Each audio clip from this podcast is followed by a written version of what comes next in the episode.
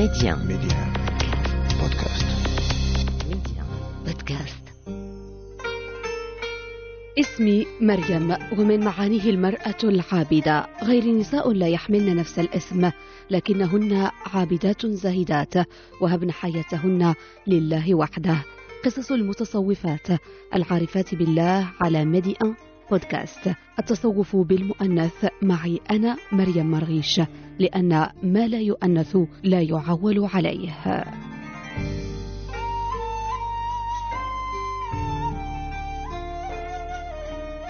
بعلمها الواسع ومعرفتها الوافرة ألهمت بنات القارة السمراء شاعرة مفوهة عالمة دين فقيهة ضليعة وابنة عالم أورثها حب الله أولا وحب المعرفة ثانيا. لم تكن حياتها محفوفة بالورود لكنها كانت محفوفة بالعطاء. هجرت ديارها فقدت أمها كما عاشت زمن الحرب جزءا من حياتها. ما يزال اسمها مدونا تحتفظ به الآثار المكتوبة والمنطوقة. ما تزال الحفيدات يروين سيرة صالحة نقلت العلم إلى جداتهن. ما تزال العالمة الفقيهة تحيا بين النيجيريين. ما تزال سيرتها معروفة في العالم أجمع. شذا المتصوفة من الماضي يحيا إلى الآن في الحاضر. وإن اختلفت مسارات اهتماماتها التقت في الطريقة الصوفية القادرية. إنها نان أسماء شيخة المتصوفات الإفريقيات. هذه حلقة جديدة من صوفيات التصوف بالمؤنث. مرحبا بكم.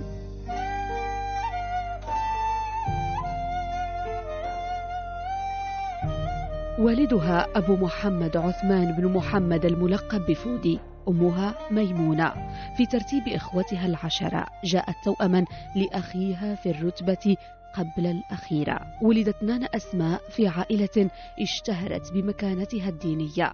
رغم اليتم رغم الحرب نجحت في بسط علمها ومعرفتها. تقول المراجع على قلتها إن تاريخ ميلادها يعود تحديدا لعام 1793 ميلادية. منذ ذلك الحين كانت آيات الصلح بينت في حياة العارفة بالله التي سخرت سبعة عقود كاملة من عمرها للدعوة لله وحده. مصدرنا في سرد حكاية الولية الصالحة يقودنا صوب منشئها. من هناك سيحدثنا الدكتور آدم بلو القاضي بمحكمة الشريعة الإسلامية بولاية بوشي شمال نيجيريا. إن السيدة الشيخة نانا أسماء إحدى النساء الصالحات المتميزات فيما يعرف ببلاد السودان حين كانت نيجيريا وما يجاورها من الدول كالنيجر ومالي وتشاد تحت حكم دولتي بورنو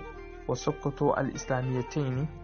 وبعد ملوك حوسة حيث تتقاتل كل من هذه الدول والجماعات بمختلف قبائلها من الفلان والحوسة والطوارق. تتقاتل فيما بينها محاولة السيطرة وتوسيع نفوذها في المنطقة. وأعظم الرجال وأعظم الرجال المعروفين في قيادة هذه الجماعات المتقاتلة فيما بينها هو الشيخ عثمان بن فودي الفلاني والشيخ محمد الأمين الكانمي وملك جوبر ينفع وأجمبلو إحدى زعماء قبائل الطوارق المنتشرة في بلاد السودان. في هذه الظروف المحفوفة بالنداء والتقاتل والحروب ولدت نانا أسماء بنت الشيخ عثمان بن فودي في قرية طقل سنة 1793 للميلاد وهي توأم حسن بن الشيخ عثمان وكان الجميع يتوقع أن يسميها والدها الشيخ عثمان بن فودي حسنى بدل أسماء أو حسينة لتناظر اسم توأمها حسن بن عثمان بن فودي. لكنه اختار لها هذا الاسم أسماء بعد أن دعا الله سبحانه وتعالى أن يمنحه بنتا تناصر الإسلام وتقوم بدور أشبه بالصحابية الجليلة أسماء بنت أبي بكر الصديق التي تلقب بذات النطاقين فسميت نانا أسماء بهذا الاسم المبارك آه لتكون سمية لأسماء بنت أبي بكر الصديق رضي الله تعالى عنه لكي يكون ذلك فعلا من والدها الشيخ عثمان بن فودي أن تكون نانا أسماء آه، مثل أسماء بنت أبي بكر الصديق. توفيت أم أسماء بنت الشيخ عثمان بن فودي وتسمى أمها بميمونة. توفيت ميمونة والدة نانا أسماء حين كان عمرها عامين. بعد بعدها سلمت نانا أسماء إلى زوجة والدها حواء وهي والدة أمير المؤمنين محمد بيلو وأبي بكر عتيق اللذان تولى كل واحد منهما خلافة الدولة السقطية بعد وفاة الشيخ عثمان بن فودي رضي الله تعالى عنه. من شيخها الأول من مسار والدها اتخذت شيخة المتصوفات الإفريقيات سبيلا لها. اتبعت خطى والدها في التدين والنضال والتصوف. كيف لا؟ وهو مؤسس خلافة سوكوتو في شمال نيجيريا. الرجل أسس ولايته على أساس المذهب المالكي. علمها على يده في البدايات لكنها استقلت بنفسها فقصدت مكتبته الغنية. جلست إليها تنهل من بحور علمها الواسعة شاركتها أختها مريم في ذلك فكانت أنيستها في رحلة بدأها الوالد العالم المتصوف حين اختار تعليم بناته دون غيره ممن يحيطون به. بل راح يرسخ نشر العلم بين النساء الأخريات في محيطه. الدكتور أدم بلو ركز في مقطع من سرد حكاية نانا أسماء على البيئة التي نشأت فيها هذه الولية الصالحة. ولدت نانا أسماء بنت الشيخ عثمان بن فودي في بيت صوفي يهتم بالتربية الروحية والقرب من الله تعالى وحب الاطلاع والقراءة في الكتب التي تعلم الإنسان كيف يكون وليا من أولياء الله تعالى حتى إذا حسنت نفسها بالتربية الروحية فلا غرابة أن تكون أسماء واحدة من تلكم المستفيدات بما قام به أبوها الصوفي الشيخ عثمان بن فودي من تعليم الناس ما يصححون به قلوبهم أو ما يفسد لهم قلوبهم من الأمور التي يجب أن يتجنبها مريد الوصول إلى الطريق. تحلية وتصفية ولا شك أن أسماء ممن قرأت مؤلفات أبيها في مجال التصوف السني الجنيدي مثل كتابه طريق الجنة وتلكيس أسرار كلام الحارث المحاسبي والسلاسل الذهبية للسادة الصوفية وغيرها من مؤلفات والدها وأخيها أمير المؤمنين محمد بيلو وأمها عبد الله بن فودي في علم التصوف. فقد تشبثت الشيخة نانا أسماء بنت الشيخ عثمان بالتصوف نتيجة لقراءتها لهذه المؤلفات التي أشرنا إليها ونتيجة للبيئة التي نشأت وترعرعت فيها فمجتمعها مجتمع صوفي سني يسير سير السلف الصالحين من الأولياء الذين عرف انتماعهم إلى طريقة التصوف السني. فهذا يعني الطريقة التي سارت فيه نانا أسماء بنت الشيخ عثمان بن فودي حتى تخرجت صوفية من من يهتم بالأخلاق تحلية وتصفية. تقول بعض المؤلفات المخصصة لسيرة نانا أسماء. إن الحقيقة الثابتة والمقررة في مصنفات الشيخ عثمان دان فودي وأبنائه وتلاميذه هي أنه نشأ صوفيا على منهج الشيخ عبد القادر الجيلاني بعدما أخذها من شيخه جبريل بن عمر والذي لقنه هو وأخوه عبد الله دانفودي كلمة التوحيد وألبسهما الخرقة الصوفية القادرية وأجازهما فيها بسنده المتصل إلى الشيخ عبد القادر الجيلاني.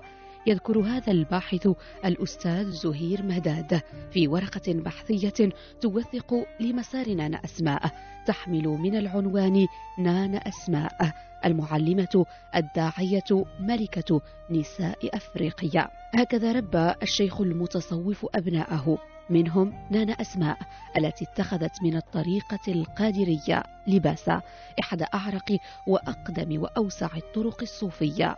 هي أيضا أولى الطرق الصوفية وصولا إلى الغرب الأفريقي. وأما عن التيار الصوفي الذي تنتمي إليه الشيخة نانا أسماء بنت الشيخ عثمان بن فودي فلا يخرج ذلك التيار عن التيار الصوفي الذي سلكه والدها الشيخ عثمان بن فودي.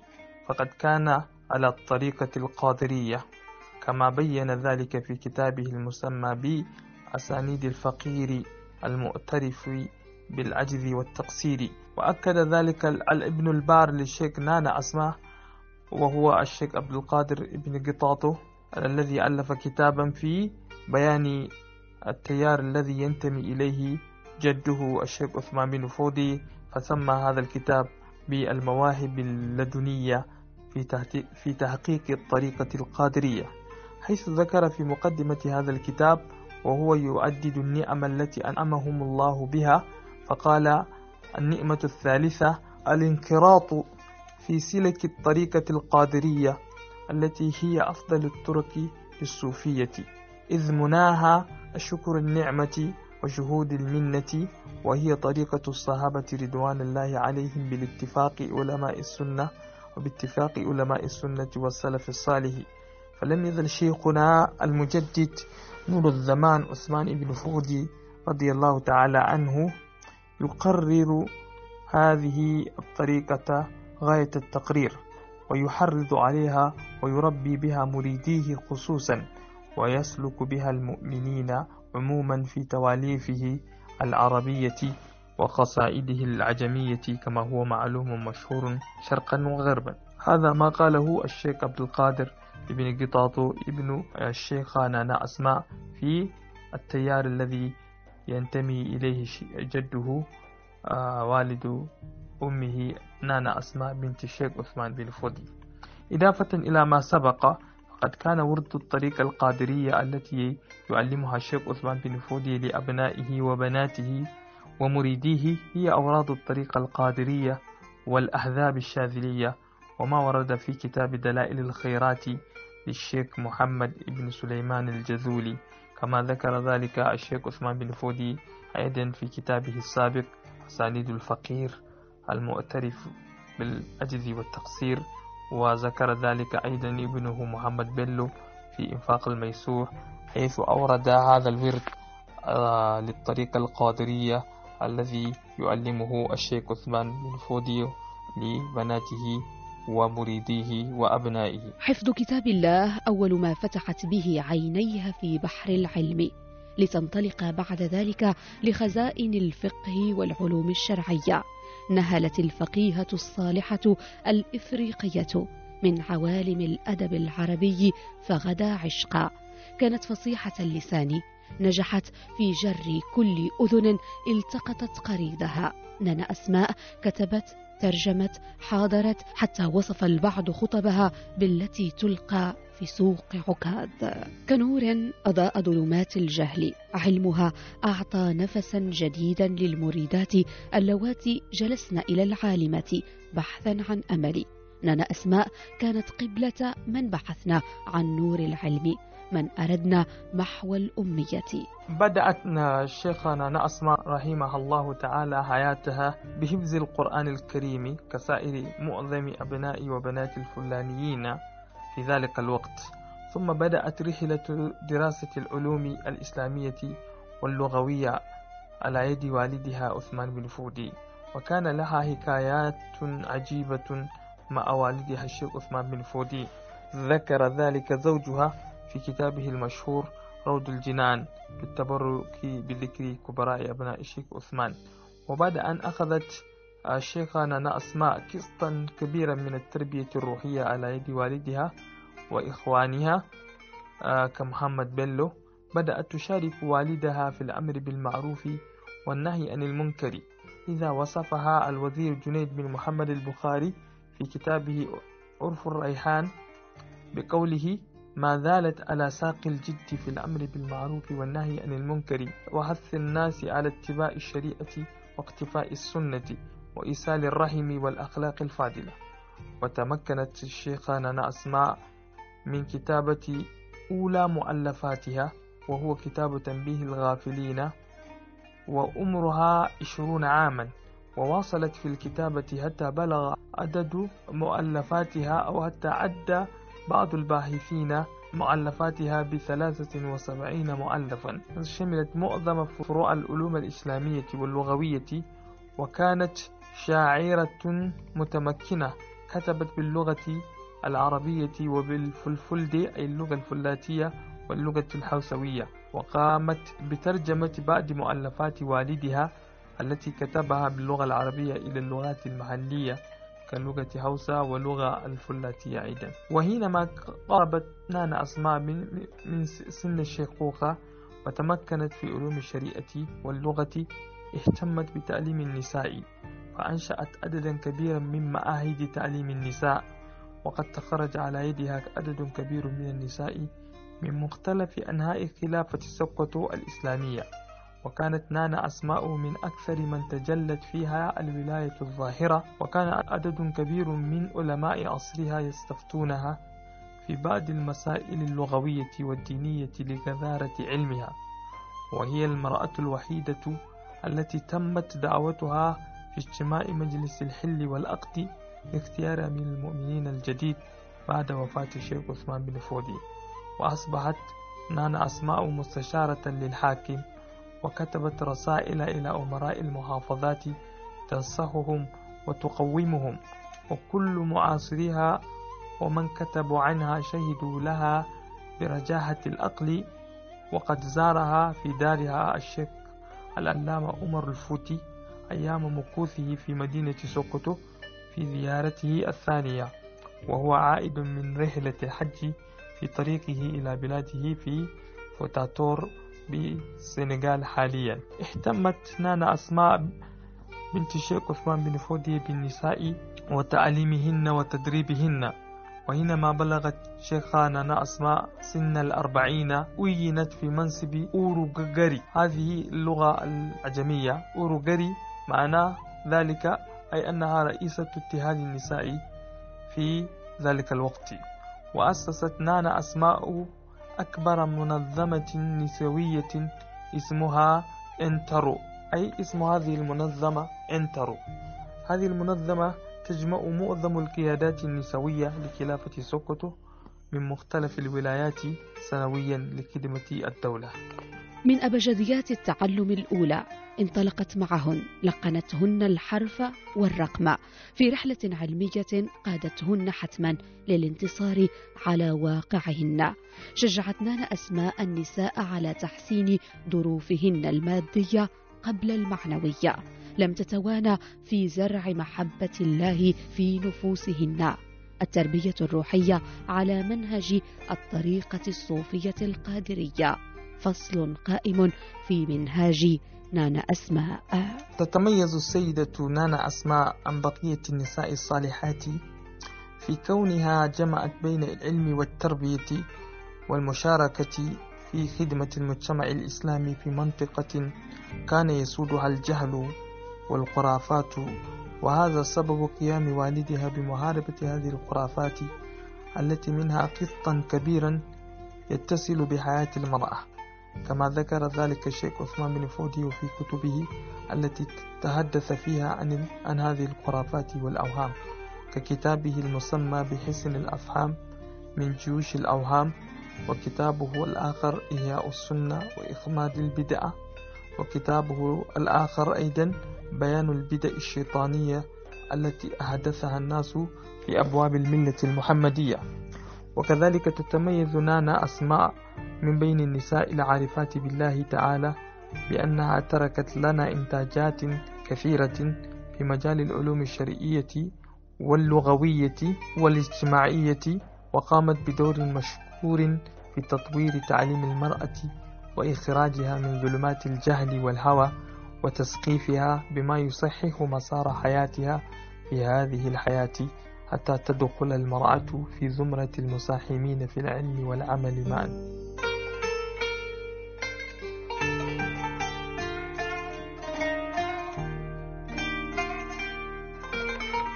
إلى الله أشكو من صنوف البلابل غدت في سويداء لقلبي داخلي لفقد شيوخ قادة الدين سادتي وأخواتنا أخدان خير ونائل. هذا مطلع قصيدتها الأشهر إطلاقا. إلى الله أشكو. أبيات ترثي فيها نان أسماء صديقتها وزوجة أخيها. قصيدة تعكس روح المتصوفة المتجهة لله قبل أي فعل. هو الطابع الذي غلب التطبع في نصوص ولية الله الصالحة. نانا أسماء رغم انتقالها بين صنوف كثيرة من الكتابات. إلا أن الله حضر في كل كلمة من كلماتها في الشعر كما النثر. أولت نانا أسماء عناية لذكر فضائل الصحابيات والتابعات لكن سرعان ما جذبتها سير العالمات والفقيهات في البلدان المجاورة. انتظمت شعرا جربت المدح والرثاء أيضا مثلما خبرت اللسان العربي واللهجات المحلية. إن من يقرأ تاريخ الدولة السكوتية التي عاشت فيها الشيخة نانا أسماء بنت الشيخ عثمان وما تركته هذه الدولة الإسلامية من التراث الهائل الذي ما زال ينتظر الباحثين من أهل نيجيريا ومن خارجها أن يقوموا بخدمته. لا يتعجب مما بلغت إليه نانا أسماء من مستوى رفيع في الثقافة العربية والإسلامية لأن أغلب التراث المكتوب باللغة العربية في نيجيريا عامة وفي الدولة السكوتية خاصة هو من إنتاج والدها الشيخ عثمان بن فودي وعمها الشيخ الألامة عبد الله بن فودي وإخوانها من الرجال وعلى قائمتهم أمير المؤمنين محمد بيلو مؤلف الكتاب المشهور إنفاق الميسور وأبناء أخواتها أيضا ممن كتبوا هذا التراث. من النساء مثل الشيخ عبد القادر بن المصطفى بن السيدة خديجة بنت الشيخ عثمان بن فودي أخت نانا أسماء. ومما ساعد الشيخة نانا أسماء في تحصيل المعارف والعلوم التي برعت فيها أن والدها قد شجع الناس على طلب العلم وخاصة قبائل الفلان من إخوانه فكان لا يعطي منصبا لأحد إلا ممن كان من أهل العلم والمنتسبين إليه. فطموحها أي فطموح الشيخة نانا أسماء لأن تكون سيدة النساء بمجال التعليم والعلم جعلها توسع ثقافاتها ومواهبها في طلب العلم حتى تكون ممن تفوز ببعض المناصب في الدولة السقطية التي أسسها والدها. وقد حصلت على مرادها كما سبق أن أشرنا إلى بعض المناصب التي تقلدتها في هذه الدولة السقطية. رسخت شيخة الفقيهات الإفريقيات بما أبدعته أناملها وجادت به قريحتها أسس طريقتها في التصوف نقلت إلى مريديها العلوم بمختلف أنواعها يسرت فهمها عادت ببحثها للنصوص المرجعية المتون الدينية وحتى الفقهية بلغتها الأصلية. فكانت عالمة معلمة ابنة عالم معلم. أثرت شيخة المتصوفات الإفريقيات في حياة القريبين منها وصل صدى أثرها للبعيدين أيضا. لم تكتفي بدور اجتماعي ولا ديني سار لها رأي سياسي أيضا. اختيرت مستشارة لأخيها في حكمه بعد وفاة والدهما. عمرها حين ذاك لم يتجاوز العقد الثالث. كانت نانا أسماء الشيخ عثمان بن فودي ممن تحترم على الساحة السياسية في الدولة السقطية. ذلك أنها زوجة أحد وزراء الدولة السقطية وهو الوزير قطاطو بن ليمة. وأبناء هذا الوزير قطاطو هم السلسلة الذهبية للوزراء الذين خدموا الدولة السقطية منذ تأسيسها حتى سقوطها على يد الإنجليز. عام 1902 للميلاد.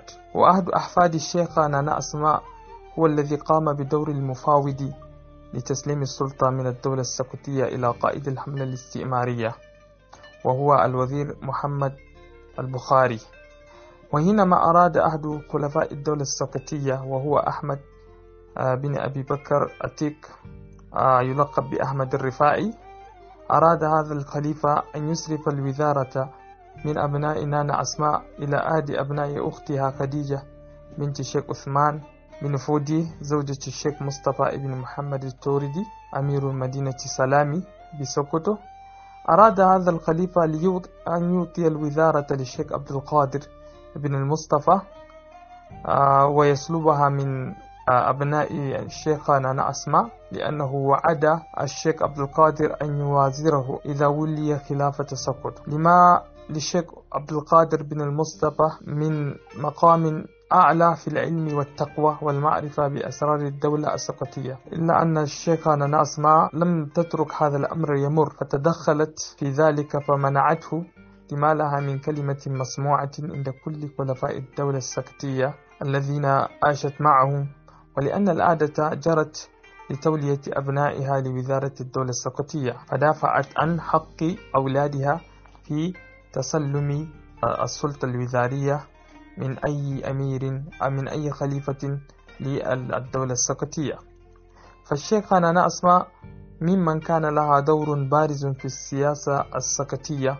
كما لا يخفى وما بوعها هذه المكانة إلا ما لها من علم ومعرفة بالعلوم الشرعية واللغوية وليست نانا أسماء هي ابنة الشيخ عثمان بن فودي الوحيدة بل هناك بنات أخرى كما ذكرنا خديجة مثلا غير أنهن لم يبلغن منزلتها في العلم والعدب ومعرفة بأمور السياسة للدولة السكوتية علمت الأمة وكانت الأمة المعلمة. تزوجت نانا أسماء من أحد أكبر العلماء في عصره ابنا لوزير أعظم لخلافة سكت الإسلامية. أنجبت منه أبناء أردعتهم أصول الدين ومررت إليهم رسائل قيم الخير النافعة للدنيا. جعلت نانا أسماء بنت الشيخ قضية المرأة من أوائل اهتماماتها لأنها اقتدت بوالدها الذي كان يدعو الرجال والنساء إلى الله تعالى ولم يحمل أمر المرأة على الإطلاق فكان يسير في دعوته على سنته صلى الله عليه وسلم في تخصيص بعض أيام وعظه للنساء خاصة وألف الشيخ عثمان كتبا في جواز تعليم المرأة وجواز خروجها لطلب العلم من بيت زوجها وهذان الكتابان هما كتابه المسمى بتنبيه الإخوان على جواز اتخاذ المجلس لأجل تعليم النسوان وكتابه الآخر إرشاد الإخوان إلى أحكام خروج النسوان. فالشيخة نانا أسماء في دعوتها إلى الله تعالى متمسكة بمنهج والدها ومتأثرة به. لذا اهتمت بقضية المرأة ودعمها والدها لأنه يشاركها في نفس الفكرة من الاهتمام بالنساء وما يطور حياتهن من العلم والمعرفة والثقافة الإسلامية والعربية. غير الألقاب الأخرى خنساء عصرها كان الأقرب لشخصها. الشاعرة التي خلدت بجعل اسمها مقرونا بعشرات الآثار والمعالم. كليات مدارس مستشفيات وجمعيات وغيرها. اتخذت من اسمها نانا أسماء.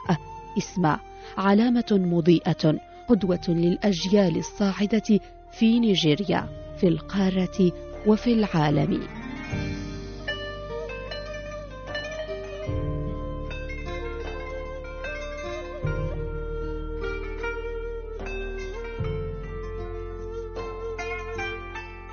وقفت حياة نانا أسماء بعد سبعين عاما. رحلة التصوف استمرت. أثر الولية الصالحة لم ينقطع البتة عام أربعة وستين ثمانمائة وألف ميلادية. وري ثرى المعلمة والعالمة.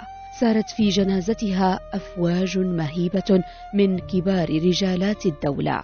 نساء رجال ودعوا. ودعوا لنان أسماء. السيدة التي آمنوا بها بدورها وبما قدمته للنساء والمجتمع والحياة. آمنوا بنضالها في سبيل الله وحده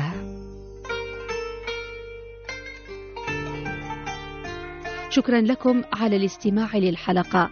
إذا أعجبتكم لا تنسوا أن تشاركوها مع معارفكم. اتركوا لنا تعليقا. فعلوا جرس الإعجاب والمتابعة لنواصل رحلتنا الروحية سويا. سلام. نلتقي.